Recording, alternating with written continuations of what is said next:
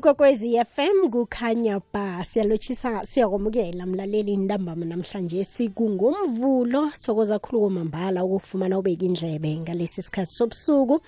Nawe kazosanda ukuvulela umhatsho lo awukachaphi mlaleli ikwekwezi FM kukhanya ba. Ihlelo lethu umthombo welwazi nolethelwa SABC Education Enriching Minds Enriching Lives. Sisoke ke mlaleli kusuka njenganje kuzabe kubethe isimbi yechumi ibizo lami ngingu TK Nduli unamgwezani hlelo lilivezwa ngupatrick kabini uhlalithwa. Mlaleli-ke imiphumela yaka-grade 12 eh, yomnyaka ka-2022 iphumile. Ngomhla ka-20 kujanuwari 2023 imenyezelwe ngu-mec wefundo esifundeni sempumalanga. Nakwezinye nje-ke imfunda nazo sizwile iphumile imiphumela. Abafundi basebenzile mlaleli kokwezi FM imiphumela ibe mihle. Inkolo-ke njenganje zivuliwe njengobana-ke zivuliwe nje. Kurakela phambili-ke kuqalwe inhlahlubo ezizokuxolwa ngojuni. Njengehlelweni lethu lanamhlanje silezefundo sizokutsheda ukuxolisa kwabafundi bazixolisela inhlahlubo zakajuni. Sizokutshetsha-ke bona-ke inhlahlubo zithoma nini begodi zizokuphela nini nokuthi umfundi angatlola imfundo ezingaki. Okhunye-ke mlaleli esiza kutsheja kukobana-ke eh abafundi ngibaphi? Ngabanjani abafundi abaza khona ukuzihlolisela inhlahlubo lezi?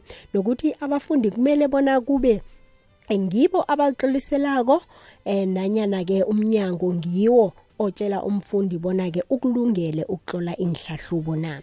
Sizokutshetsha-ke namahlelo umnyango eh onawo ukusiza abafundi laba bona-ke bazilungiselele nangabe amahlelo lawo akhona. Beka indlebe-ke mlalele kokwezi FM yoke ihlathululwe ikhona ngobaba ushukulu manyapyane omnquphisi we-public examination emnyangeni wezefundo ngempumalanga.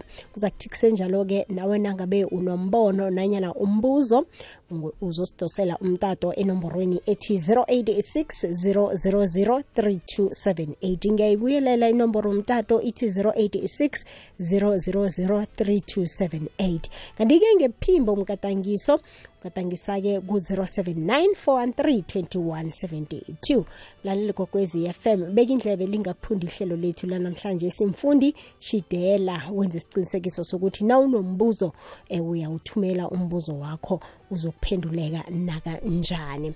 Um babumanyapiyane siyakwamukela siyakulotshisa emhashweni kokwezi FM eh locha PK akwande. Nabalaleli emakhaya eh nyaka omusha. Nyaka omutsha siyathokoza. Mm. Mhm. Eh babamanyapiyane namhlanje sike siphethe nasi indaba la eh yemiphumela yaka grade 12 iphumile. Manje ke kuragelwa phambili kuqalwe inhlahlubo zaka June bekube nama supplementary exam. Kune second chance matric rewrite ake nje kusihlathululele umehluko eh phakathi kwazo. Eh sithokoze.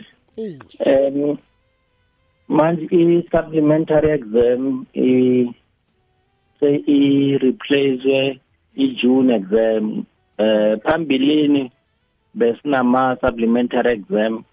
Lama supplementary exam dabhalwa ngo-march april. Mm manje sabona ukuthi abafundi mabasanda kuthola ama-results ngabo January eh baphinda babhala ngabo March ama-results wabo aphuma nje afana nalawo pheleni konyaka mm. manje i-department seyadecide ukuthi kungcono labafundi bathole isikhathi eh mase bathola imiphumela isikhathi mabayobhala yashiftelwa ku-May June ukuthi kube ne-May June baphinda kwakhitshwa eh inani lama subjects lawa futhi abhalwe ngokuba ngo supplementary exam mm. labafundi bebabanikeza inani le bebangabhali ngaphezu kwethu yama subjects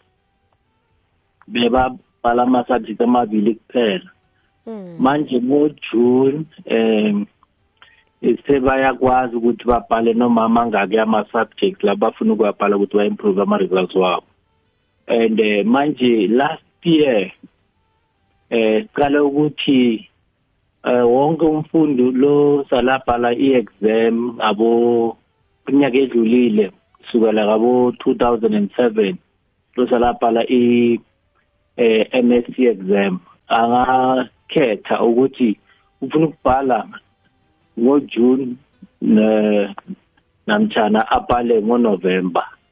Manje sebeyakhetha laba lama part time ukuthi bangabhala ngoJune noma babhale ngoNovember. Noma bangabhala ngoJune baphinde babhale ngoNovember.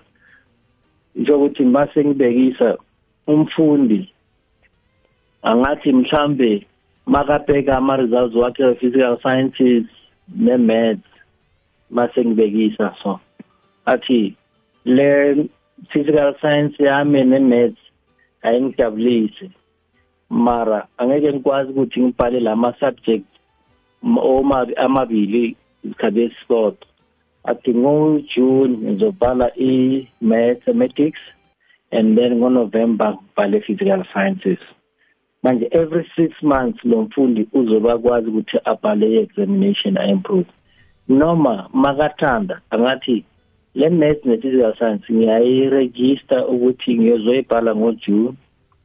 Ngibona ukuthi nguyiphi le engizo eh kuzoba nemphumela ebhedere lezo zimbili. Mhlambe ibe ngcono ku-maths athi okay maths manje angisachubeka ngayo ngo-november ngichubeka nge-physical science njalo njalo. Ya se ile nto uthi ufuze babe namathuba ama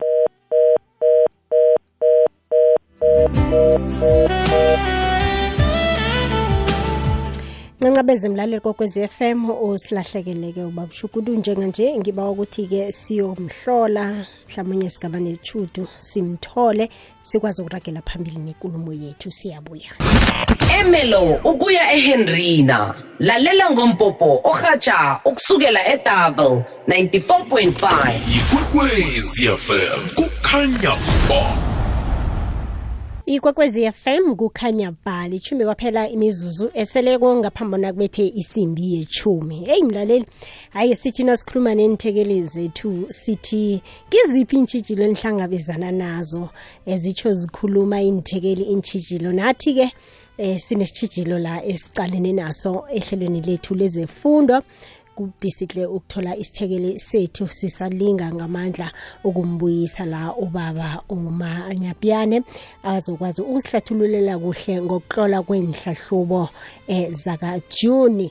Laleli kokwezi FM eh, ngiba wasibekezele nje kancane khe silinge godi kokugqina sibone ukuthi angeze sabuya naye na emzuzwini nje yokugqina le esisele nayo. Silalele nama voice note athunyeleke lapha ke abalaleli bayabuza bese-ke bakwazi ukuphenduleka. 0860003278 inomboro yomtato leyo.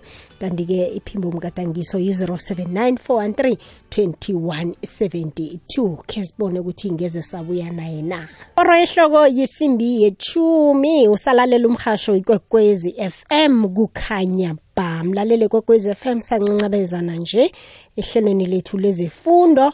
Zange sikwazi-ke ukuraga ngalo-ke ngendlela besithande ngayo. Sibe nomraro-ke womtato lapha-ke asikwazi ukuthintana-ke nesithekeli sethu.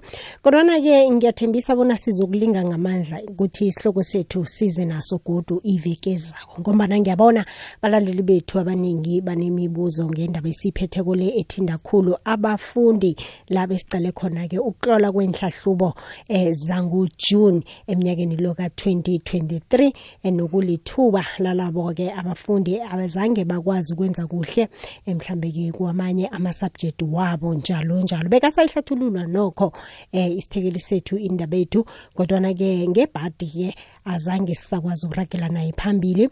Njenganje ngiyakuhamba-ke mina ngizokubona godu kusasa ehlelweni commerce and finance ngitshidela umakhuthalelo ezimfaneleko ngehlelo sizigedlile ukuhamba nawe bekubethe isimbi yechumi nambili.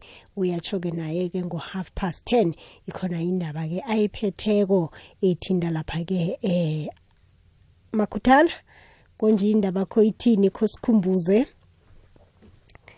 Sikhumbuza indaba khole umlaleli ngiyambona uyilindile indaba le. Kunjalo tk iye. Hayi tk ya-fast ten namhlanje siphethe indaba enkulukazi la. Mm. um bayalila ama abaphathi bamakhaza abaphathi bamomochari ngendaba ye-load shedding le. Mm. nabasakhoni uku ukubulunga indumbu. Iye kubulanga indumbu kuhle zibe sebujameni obuhle obuhloniphekileko. Eh obusemakhazeni exactly igezi ikhamba futhi banesihlongozo bona kungaba njani umuntu alale ilanga linye kusasa abulungwe na? Iye. Soyiqala nehlangothini lesikhethu siyiqale eh nojamele ihlangano yabaphathi bamakhaza. Manje ngoba umtato ngathi uyasidanisa kancane sizoyithatha khudlwana siyiphose nakumlaleli siyicoca coca bona yena uyibona njani? Kusho ukuthi angathoma njenganje umlaleli aphosele athumele kuma-whatsapp voice note kunjalo tk Mm, hayi nathi Iye. sabe sibeka indlebe makudala. Awuzwe-ke, DK. sifuna uyizwa indaba leyikulu umlaleli kokwez f m injalo-ke ungathomi ulale beka indlebe. Ibizo lami ngingu-t k induli. Unamgwezane itshela imnyama yak- amanye ayakhanya ngikhambile.